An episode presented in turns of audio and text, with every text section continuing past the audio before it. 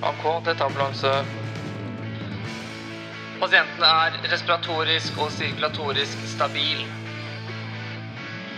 Vi kommer inn med én pasient. Du puster for fort! Da er jeg på Ringerike sykehus. Og jeg skal møte en mann Skal vi se han Der er han, vet du. Hei. Hei. Ole Kristian. Håvard, hyggelig. Velkommen inn. Takk, takk. Dagens gjest var en av lederne på helsesiden 22.07.2011. Takk for at du ville ta deg tid. Jo, det skulle bare mangle. Hyggelig å bli spurt. Skal vi finne et sted å sikte? Hva var egentlig de operative utfordringene? Og hva kan vi lære av en slik type hendelse? I dagens podkast snakker jeg med paramedic Håvard Larsen.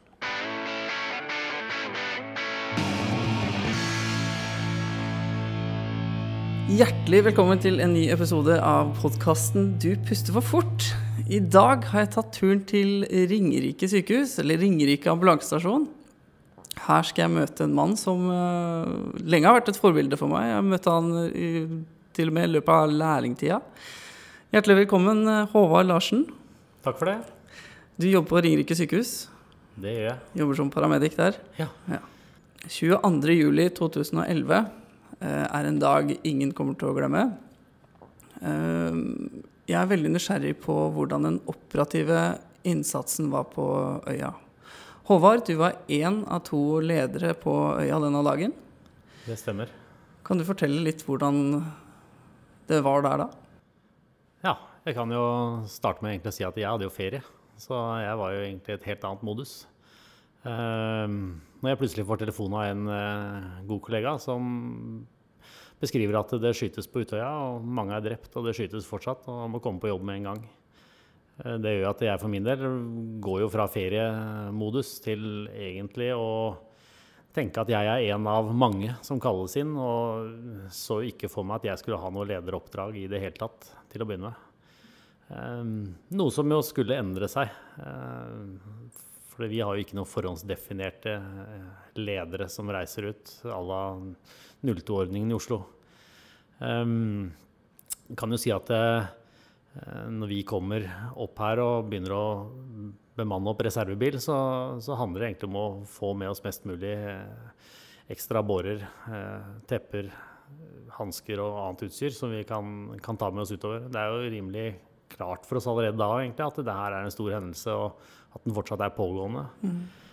For du, for du visste på forhånd hva som hadde skjedd i Oslo. Ja.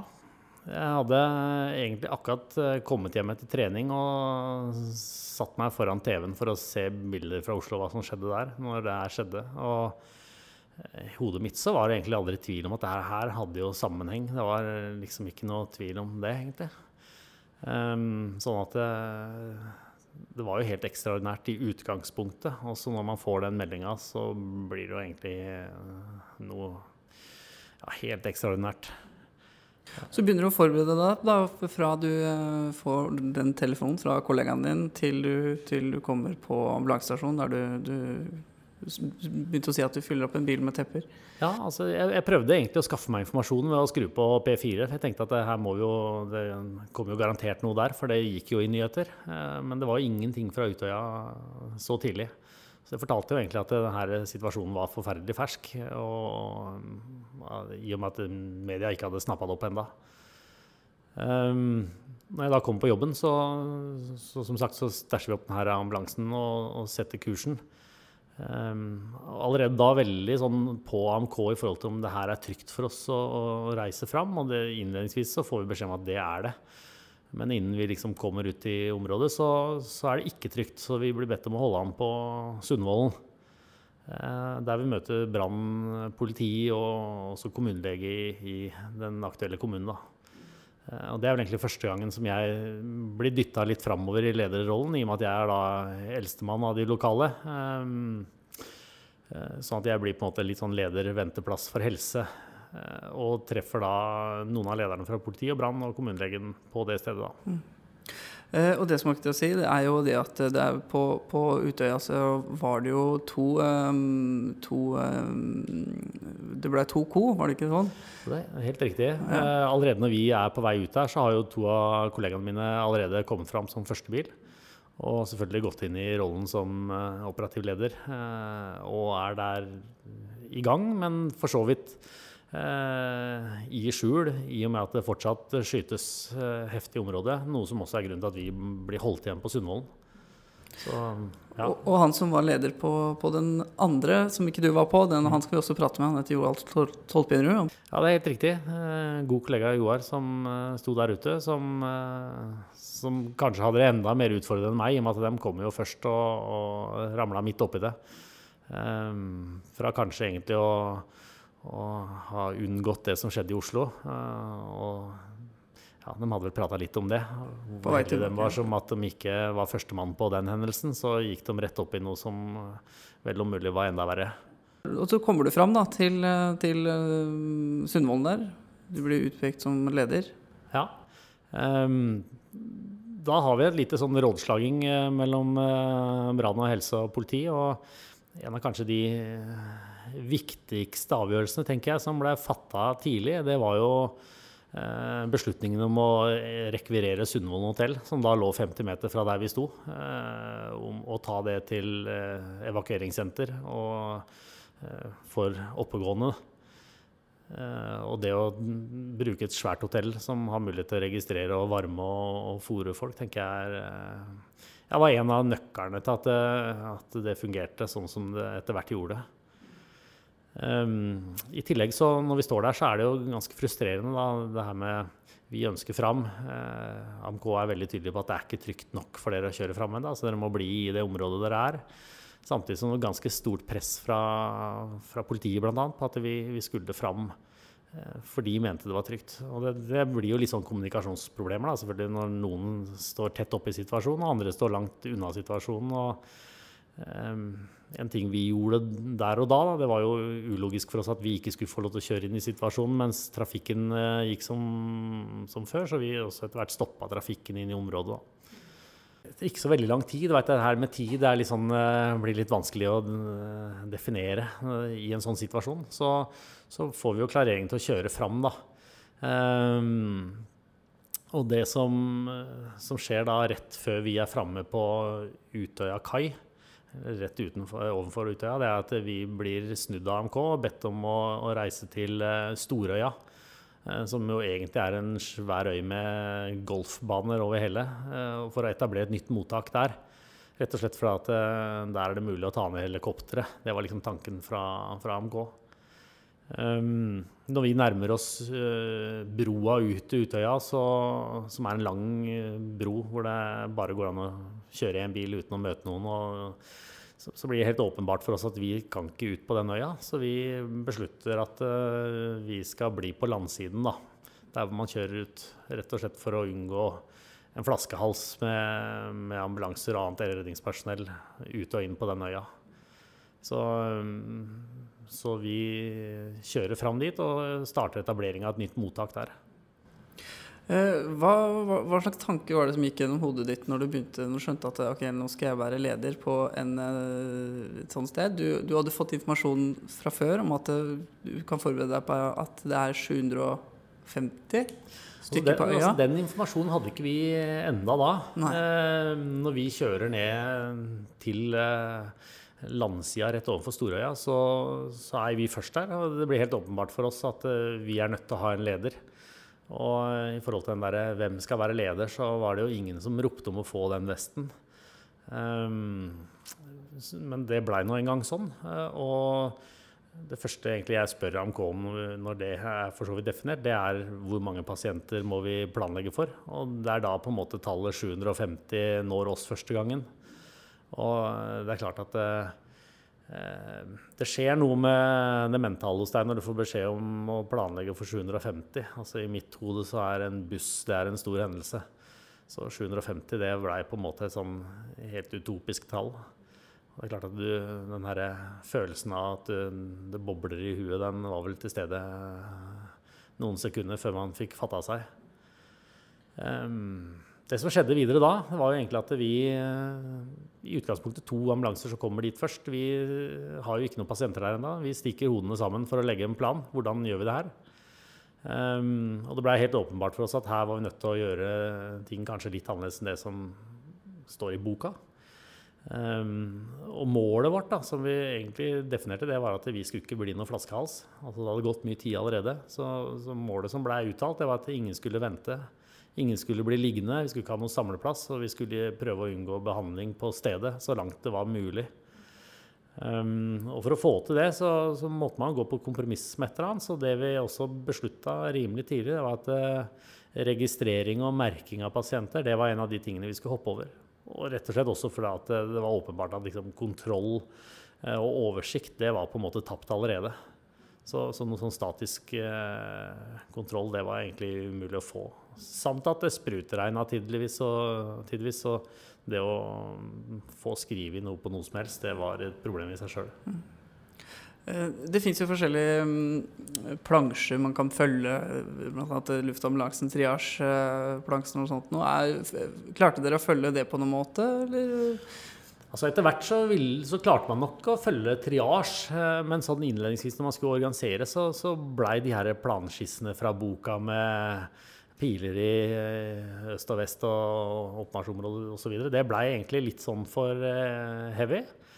Ehm, sånn at eh, planen den var egentlig ganske enkel. Og den hadde egentlig blitt skapt noen år før. På, under paramedic-studiet så hadde vi en politimann som provoserte ganske mye oss i helse. Da, som uttalte at eh, dere i helse dere har jo den enkleste jobben når det virkelig smeller. For dere trenger bare å tenke på to produksjonslinjer. Akkurat de orda brukte han to produksjonslinjer. Og Det er én linje med de såra til sjukehus, og så er det én linje med de uskadde i sikkerhet. Det husker jeg provoserte meg noe grenseløst. For det første så var ikke det der noe enkelt i det hele tatt. Og for det andre så var det jo feil, for det at de uskadde er jo faktisk politiet sitt problem. Um, men jeg har tenkt mye på dette på, og det der å kunne visualisere eller kjøre en slags sånn mental simulering i huet av hvor du har tenkt å gjøre av pasientene, fra der du er helt til dit de skal, det er faktisk en, grei måte å, sjekke ut om planen din funker. Uh, her måtte vi riktignok utvide, da, så vi hadde tre linjer. Og tanken var jo egentlig så enkel som at de mest alvorlige, altså når de kom i land og var uh, triasjert, så skulle de inn i en av tre linjer. De mest alvorlige til helikoptrene de nest mest alvorlige til ventende ambulanser. Og de oppegående, egentlig nesten uansett, skulle følges opp i busser eh, og skysses til Sundvolden hotell. Ehm, etter hvert også var vi nødt til å etablere en fjerde produksjonslinje, som var de døde, som vi egentlig ikke hadde tenkt på til å begynne med. Hvordan var det med ressurs... Eh, hvordan fikk du ressurser, eller var det noe problem i det hele tatt altså, den dagen her? Nei, det var jo ikke det. Problemet var jo vel egentlig nesten motsatt. At vi hadde så mye ressurser at uh, styringa av ressursene var kanskje det største problemet. Um, og der var jo tanken at uh, altså, helikoptrene skulle vi ha nærmest mulig. De landa jo nesten på nakken vår. Um, ambulansen sto jo på veien en ja, ca. 50-100 meter unna oss. og, og det som leder venteplass hadde som, som, oppgave, var å sørge for at det til enhver tid var ti ambulansebårer og crew som sto klare. Og hver gang det kom en ambulansebåre opp fra, fra samle- eller evakueringspunktet, så skulle det en ny båre ned. Så det ble litt sånn brannbøtteprinsippet. Mm. Mm. Eh, du utpekte forskjellige ledere på eh, mottaket ditt også. Ja. Mm det var jo litt sånn Du måtte gå litt i deg sjøl når du sto der og hva du har tenkt, eller hva du har lært om ledelse. Og det her med både plassering av deg sjøl eh, og ikke involvering i hver enkelt pasient, men også det her å utpeke underledere, for du klarer ikke en sånn oppgave aleine. Så der var det jo Det å ha en NK som løp og fulgte opp, det var jo helt essensielt. Eh, der sambandet svikta, så hadde du en mann som kunne eh, fysisk sjekke opp og, og sørge for ting. Og kanskje den andre viktigste oppgaven var jo leder venteplass, som var en Pål fra Hamar som jeg for så vidt aldri hadde sett før denne hendelsen her, som ble utpekt over sambandet.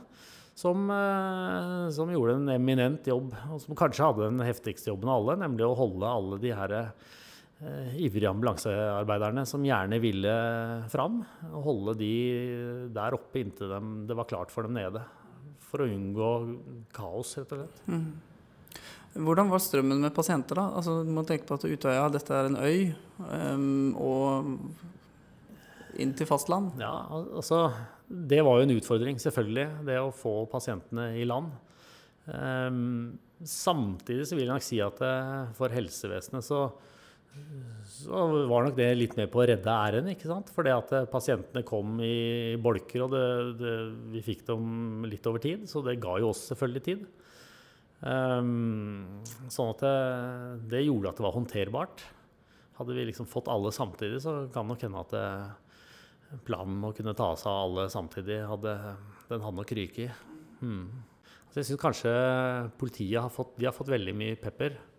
Eh, det som kanskje har ikke kommet så fram, var jo på en måte den eminente jobben som ble gjort i forhold til førstehjelp eh, og akuttbehandling fra politiets side, med både stans av blødninger og også avansert akuttmedisinsk behandling, som eh, helt åpenbart var med og gjorde en stor forskjell. Ja, som ble gjort ute på øya? Som ble gjort ute på, på øya. Um, så det var jo mange pasienter som egentlig kom som nærmest ferdige behandla pakker som kunne sorteres videre. Så da kommer den egentlig pasienten og blir bare sortert raskt ut. og Enten så luftambulanse, eller så går det opp til bussen, eller så inn til eh, båre. Ja. ja. Det, det, som var, var jo at eh, vi hadde jo en, egentlig en linje med erfarent personell helt nede i vannkanten, som både besto av ambulansearbeidere og paramedics og anestesileger, som sto da og gjorde den eh, grovsorteringa inn, altså inn, i de tre uh, linjene. Uh, så må man jo også berømme brannvesenet, egentlig, som tidlig var ute og spurte liksom, hva kan vi bidra med. Og beskjeden til dem var egentlig bare at alle brannmenn som ikke har noe å gjøre, skal stå på et gitt punkt. Alle oppegående skal få et ullteppe og en brannmann og bli fysisk fulgt opp i ventende busser. Hvoretter brannmannen skal komme ned eh, og stelle seg på, eh, på områder hvor de er klar til innsats. Og så i det store og hele så var det jo brannvesenet som tok seg av hele den der tredje produksjonslinja. Da. Samt at vi etter hvert fikk helsepersonell om bord i de bussene da, som evakuerte Eh, oppegående tilbake til Sundvolden hotell, som jo også blei rigga opp som en, eh, en legevakt. Sundvolden hotell, ja. ja. Mm. Altså jeg tenker liksom Noen av de virkelige utfordringene ja. vi sto oppi, er jo kanskje ikke så ukjent, for det er jo noe av det vi ofte sliter med på øvelser og reelle hendelser, sånn i mindre skala. Kanskje det første som, som slår meg, er kommunikasjon. Eh, og der var det flere utfordringer. Det ene var jo det at halvparten omtrent av ressursene som kom, hadde nye nødnett. Eh, andre halvparten hadde gamle helseradionettet, og de her snakka ikke sammen. Så vi hadde jo eh, reelt sett ikke kommunikasjon med hverandre. I tillegg så er det kanskje den, den biten om at man øver og tenker at lederen skal være fullt til stede i flere nett samtidig. Altså man skal ha en, et nett opp mot egne, egne, styrker, og så skal man ha ett opp mot uh, lederne og, og, sentralene. Og så har man jo i tillegg da mobiltelefoner som ringer, og man står i et ko hvor folk snakker til deg. Uh, og det er klart at vi, vi har en begrensa kapasitet. Snakker vi i ett medie, så er vi ikke til stede i de andre. Og det som da blir sagt i de andre kanalene, der forutsetter jo folk at lederen hører det som blir sagt. Eh, og der har vi nok litt å gå på. Eh, hvor man ser f.eks. politiet, da, som øver med sambandsmannen og loggfører og sånne ting for å kunne fange opp det. Så er nok ikke vi i helse like langt framme der. Og så var det jo det her med altså det dårlig dekning i området, som gjorde at det var dårlig kvalitet på sambandet. Og så hadde vi jo kanskje et problem jeg aldri har sett for meg. Det her var jo alle de helikoptrene som vi hadde eh, tett på som, eh, som, kom og gikk. Og i den travleste timen så Ta det med en klype salt, for jeg husker ikke helt eksakt tallet, men jeg tror vi hadde 31 helikopterbevegelser, noe som sier at det kom og gikk et helikopter annethvert minutt. Og det gjorde at du hadde den her turbinlyden hele tiden helt innpå deg, som gjorde at eh, den fysiske støyen gjorde faktisk eh, bruk av samband tidvis helt umulig. Eh, og det har vi verken eh, planverk for eller utstyr for egentlig å kompensere fullt ut for. Eh, så det, det var en, for å si det mildt, en utfordring. Ja. Mm. Du hadde helikoptre som fløy over deg, du hadde folk som prata på sambandet. Sambandet funka ikke, du hadde telefoner sikkert opptil flere ganger. Uh, mange som vil inn i innsats og maser om å få lov til å kanskje komme inn i et innsats. Du får pasienter inn med, og mange synsinntrykk. Også når du klarer alt, uh, alt det der, må jo være en vanvittig stressende situasjon. Ikke tvil om at det er det. Uh, jeg tenker at det er noen ting som faktisk er litt sånn stressvaksine. Og det ene er det å, å som leder ikke involvere deg, i hvert fall når det blir så stort, involvere deg fysisk i pasientene. Da tror jeg du blir fort spist opp. Eh, så et skritt tilbake, men samtidig så tett på at du faktisk ser hva som skjer, så du har mulighet reelt til å korrigere. Eh, en annen ting er det at jeg tenker at har du jobba en stund, eh, så er det en fordel. Rett og slett for at jeg tenker at den analytiske evnen man har til å veie fordeler og bakdeler med løsninger, den forsvinner rimelig fort med stress. Det er en kjensgjerning. Sånn at det, du havner ned på magefølelse da, eller intuitive beslutninger som da fordrer egentlig at du har en del hendelser i ryggsekken din, sånn at du gjenkjenner elementer i oppdraget som gjør at du kan bruke deler av løsninger du har brukt før. Som kanskje gjør at du ender opp på 80 løsninger, men allikevel så blir nok det bedre enn eh, om du skulle analysert det. Jeg tenker at Noe av lærdommen ut fra det òg er jo at eh, de man plasserer i lederroller, bør nok sannsynligvis ha erfaring fra før av. Rett og slett ikke for at de nødvendigvis er noen faglig bedre, eller sånn, men at de har rett og slett flere løsninger i ryggsekken sin. For å sannsynligvis kunne kanskje oftere treffe. Mm. Og da snakker vi jo stort sett om uh, større hendelser, da. Selvfølgelig.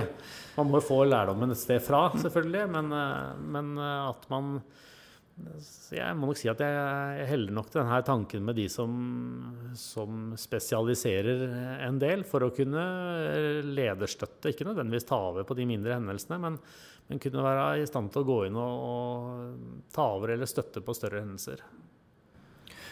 Eh, hvordan var det å være leder for eh, alle innsatspersonellet? Altså, det gikk egentlig utrolig bra. Eh, i hvert fall så var følelsen av det at folk dro i samme retning. Det var ingen som på en måte sa nei denne dagen her. Og, og det er jo for så vidt en sånn takknemlig jobb, for det at eh, ambulansearbeidere og folk som jobber i det prehospitale rommet, de er jo ganske selvgående. Så det er jo ikke sånn at eh, ting gikk eh, sånn fordi at jeg eller noen andre ledere gjorde en veldig bra jobb. Hadde vi satt oss ned, så hadde sannsynligvis mye av det samme kommet til å skjedd. Sånn at eh, jeg tror ambulansetjenesten og, og de som er i det prehospitale rommet, som sagt, de, de er ganske sjølgående. Eh, og det gjør jo ganske takknemlig da, egentlig, å, å lede òg. For det, handler jo om små justeringer og, og, prøve å få en plan til å fungere. Da. En annen utfordring som, som vi sto overfor, som flere av innsatspersonellet har dratt fram, det var jo det her med å faktisk få pasientene til å stole på oss. Altså, de hadde jo vært ute i en ekstrem situasjon hvor de opplevde jo at uh, myndighetspersoner, uh, slik de så det, angrep dem. Og det var jo flere som faktisk trakk seg tilbake når de skulle hjelpes ut av båten av innsatspersonell. Og noen fikk jo faktisk direkte spørsmål om har dere tenkt å skyte oss. Og det er jo ganske, ganske tøff kost. Jeg var jo ikke der den dagen selv, men jeg har jo sett opptil flere bilder av at ambulanser står langs veien, står og venter. Hva slags informasjon fikk dem? Det er vel kanskje en av de, eh, de områdene jeg har dårligst samvittighet for, egentlig. Eh, som følte at det ikke vi strakk helt til. Og det var rett og slett å gi informasjon til alle de som sto og venta. Som gjerne ville fram, og som, som jo egentlig blei holdt igjen av leder venteplass. Eh, det gikk rett og slett på kapasitet. Eh, det hadde helt sikkert vært mulig å, å sende bakover informasjon som skulle gis til de, men det, der svikta vi rett og slett. Det var ikke godt nok. Um, og det er jo også blitt beskrevet av en del av de som sto ventende, i hvert fall tidlig i oppdraget, som, som står og venter på å komme inn i området, som også blir konfrontert av pårørende, da, i, også i biler som kommer til for blir spurt om hvorfor står dere her og ikke er der framme. Det handla om innledningsvis, da når man på sikker, pga. sikkerhet ble holdt på avstand. Mm. Ja, for, for, sikkerhet Du, du kjørte eh, inn i um, forholdsvis usikkert område. Eh, den første bilen eh, som var der, var der, ambulansen som var der, de hørte jo skudd. Mm. Eh, det gjorde kanskje du òg? Ja, det var mange som hørte skudd der. Ja. Eh, og det er klart det blir jo veldig spesielt, for over vann så bærer jo det her veldig godt. Eh, og sånn i forhold til fra vår grunntrening, så er jo, har vi, vi alltid vært opplært til at der hvor det ikke er sikra, der skal ikke vi være. Uh, jeg tror ikke det var mange som oppfatta at de var i et helt sikra område den dagen der. Uh, men man gjorde det så godt man kunne. Og det er klart at uh, Man hadde jo noen kompenserende tiltak som ikke er hverdagskost. Uh, med bl.a. Uh, væpna politi som sto og fysisk sikra flere steder i innsatsområdet fordi at man ikke hadde full kontroll på, på gjerningsmann eller gjerningsmenn. Og det var det også usikkerhet om. Fikk dere noe informasjonsflyt i forhold til hva som skjer ute på øya med, med gjerningsmann? Hvor mange det var? Nei, altså vi, det var en av de store utfordringene. Altså vi hadde jo informasjon, og vi, vi lederne snakka jo sammen. Og vi jobba jo ut fra at det var flere gjerningsmenn vi ikke hadde kontroll på. Eh, og det førte jo til at man måtte ta en del forhåndsregler eh, for å kompensere på det. Så, eh, men det var liksom åpenbart for alle som var i det området at den hverdagslige tanken om at vi ikke skal være på et sikkert område, den, vi hadde ikke mulighet til å følge den fullt ut. da. Så skjer jo dette på en dag som kanskje ikke været er alt så bra. Hva med utfordringer både helikopter, bekledning, ja, dette var, utstyr? Var, var tidvis veldig utfordrende. Altså både i forhold til flyvær for, eh, for helikoptrene. Tidvis tåke, regn. Eh, altså det, det veksla mellom å være fryktelig varmt og sol til eh, tåke og regn. Eh, jeg for min egen del jeg hadde jo ikke klart å få på meg jakke. Jeg hadde tatt meg T-skjorte og vest. Og hver gang det begynte å sprutregne, så kom eh, Trygve, kollegaen min, og hengte på meg jakka si. Det er ganske stort, for han, som han sa til Håvard, du kan ikke bli våt, for du må virke. Og det er jo ganske stort, egentlig. En god kollega. Ja, god kollega, helt klart. Du må jo ha vanvittig god simultatkapasitet og, og, gode folk rundt deg på, på den tiden der. Absolutt. Eller den dagen. Det var fryktelig mange flinke folk. Og så er det nok litt sånn at eh, ting man kan kvittere ut med en gang. Altså, dukker opp et problem, og du har 50 ambulanser som står der, så, så får du gjort noe med det. Og eh, det er klart, når du bare kan eh, si vi, hvordan vi håndterer det, så er jo problemet løst. Og det tror jeg handler litt om uh, at det står det og dvelle for lenge i en sånn situasjon, så, så vil nok problemene ha tårna seg opp. Og det, det, tenker jeg er litt sånn at at å gjøre for mye 'vent slutt' og, og sånn, For du får aldri nok informasjon i en sånn setting. Du må håndtere situasjonen på bakgrunn av informasjonen du sitter med der og da.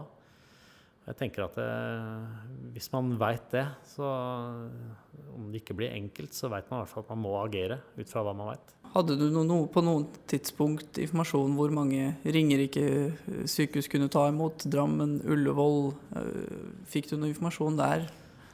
Ja, og det var jo ikke bare, jeg som, håndterte, det var ikke bare jeg som håndterte det. Eh, jeg hadde jo det, og, og Anders Nakstad, som var eh, fagleder helse. Som jo også hadde kommunikasjon opp mot sykehusene. Og det er klart at i en sånn setting så eh, å tro at man har fullstendig kontroll på alt som skjer, det er nok en utopi. sånn at det var nok en del sykehus som fikk flere pasienter enn vi hadde tenkt. Samtidig som også litt av vårt dilemma var at eh, vi hadde tall som sa 750.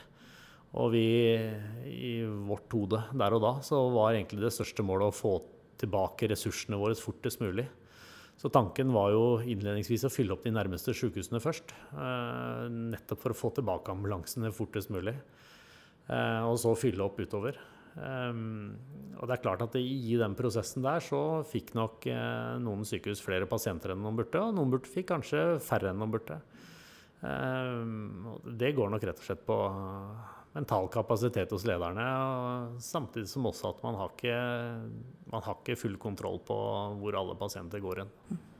Så må man jo kanskje um, hylle Ringerike sykehus, da, som har uh, fått veldig mye skryt for uh, å håndtere den hendelsen her. Altså Uten tvil. Eh, Ringerike sykehus, som er et eh, lite, men eminent lokalsykehus, eh, fikk jo 35 pasienter. Eh, og det er jo et helt enormt tall, eh, hvorav mange av dem var jo ordentlig alvorlig skadde. Så det er klart det at, eh, at et lite lokalsykehus klarer å takle det, det er jo veldig bra. Og det er jo ikke noe tilfeldig. Det er rett og slett på bakgrunn av systematisk trening over mange år og satsing på, på beredskap. For Ringerike sykehus. Ja. Men selvfølgelig, altså jeg sitter jo litt nært Ringerike sykehus, da, så jeg er jo ikke helt uhilda i det mm, når jeg sier det, men det, det er faktisk noe jeg virkelig mener. Eh, Nå har vi snakka mye om eh, utfordringene, egentlig. Hva var det du sitter igjen med som følte at um, dette tar du med deg videre? Jo, det, det er en god del jeg sitter igjen med. Og det, det tenker jeg sånn i hverdagen. Det å faktisk kjenne de du jobber med.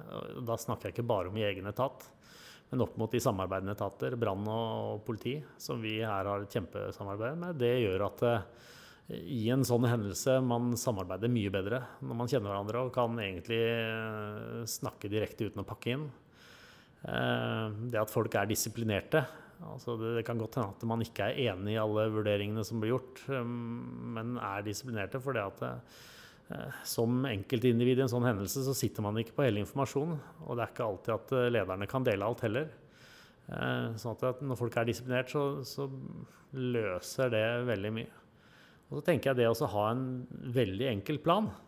Altså, det var kanskje noe av det som fungerte utrolig bra her, Da, at man hadde eh, en liten gruppe mennesker som fordelte pasienter inn i, inn i de her eh, evakueringslinjene, og hver enkelt ambulanse eller luftambulanse eller eh, fikk jo egentlig stort sett én pasient som de forholder seg til som i det daglige. Selv om selvfølgelig situasjonen var helt ekstraordinær, så, så fikk de en pasient og måtte forholde seg til den.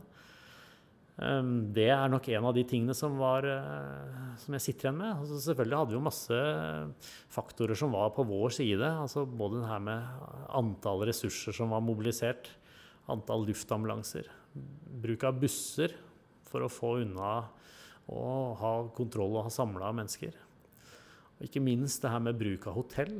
Altså for å samle, varme, registrere og ikke minst holde alle de her uskadde og lettere skadde unna sykehus. Sånn at man ikke knekker kapasiteten til sykehusene. Det tenker jeg er helt essensielt. Og litt av de her Jeg har tenkt mye og prata mye beredskap etterpå. Jeg tenker at eh, en katastrofeplan som ikke innbefatter et eh, stort nok hotell, er en dårlig plan, rett og slett. Mm, Så tenker jeg også det at det, altså det har vært et arbeid i Norge gjennom flere år eh, med et tverrfaglig akuttmedisinsk samarbeid eh, initiert av luftambulansen, som jo har satt eh, dagsorden på, eh, på alt fra småulykker til storulykker og ledelse. Det har gjort oss mye mer i stand til å, å håndtere større hendelser enn det vi var før. Eh, ikke bare selve sam samtreninga, men også den her bårekapasiteten mm, som, eh, som har blitt generert med de her LS-bårene som etter hvert finnes veldig, veldig mange av. Som gjorde at vi på, på skadestedet vårt hadde jo 50 bårer rimelig tidlig som kunne følge hver pasient videre. Um, videre så, så tenker jeg også at en sånn her setting så det gjør jo også at det er jo ingen som tør å si nei. Alle er på tilbudssida, og, og alle drar lasset. Det er ikke dagen for profesjonsstrider og andre ting, og det, det tror jeg gjennomsyra alt på en veldig positiv måte. Jeg tenker at vi kan begynne å avslutte nå. Er det noe du vil tilføye? Ja, det er faktisk én ting. Eh, I etterkant, etter 22., så var det jo veldig mye fokus en periode på negative ting. Ting som ikke hadde gått eh, bra. Og eh, den eh, opplevelsen jeg sitter igjen med, var at eh, mange fikk veldig mye ufortjent pepper. For det vi så, var veldig mange som strakk seg fryktelig langt i forhold til både hva trening og utstyr og opplæring tilsa. Både i vår etat og også i de samarbeidende nødetater. Så ble det gjort en formidabel innsats. Og det tenker jeg mange kanskje ikke har fått heder og ære for. Um, så tida etterpå så føltes nok eh, mange av oss eh, var ganske urettferdig en del av det som kom. Selv om selvfølgelig så må man tåle å bli sett i korta, for all del. Håvard, noe jeg spør mange av gjestene i Dypus for fort om. Hva gjør en ambulansearbeider eller en paramedic god? Jeg tror eh, det som gjør en ambulansearbeider eller en paramedic god, det handler om for det første å ha et reflektert forhold i forhold til det samfunnsoppdraget man er satt til. Som er egentlig en innmari heavy jobb, egentlig, hvis man tenker over det. Og så tenker jeg man har to typer ansatte. Det er eh, er den eh, som har eh, 30 års erfaring, og så er den som har ett års erfaring 30 ganger. Og med det så mener jeg at eh, ta med deg de eh, hendelsene du har, og evaluer dem, og dra ut det du kan av det. Eh, For det er den eneste måten man kan bli bedre på, nemlig å være ærlig mot seg sjøl. Hva funka, hva funka ikke. Det tror jeg er litt av nøkkelen. Hjertelig tusen takk for at du tok deg tid og ville være med og, og snakke om dette, her, Håvard. Eh, Jeg tror det er eh, både lytterne og jeg har lært veldig mye, og at du kommer til å ta med veldig mye. Veldig mange sterke inntrykk som du har egentlig gitt, gitt meg og lytterne. Tusen takk. Du puster for fort er over for denne gang. Takk til Håvard. Og så er Du får for fort tilbake neste uke. Ha det godt.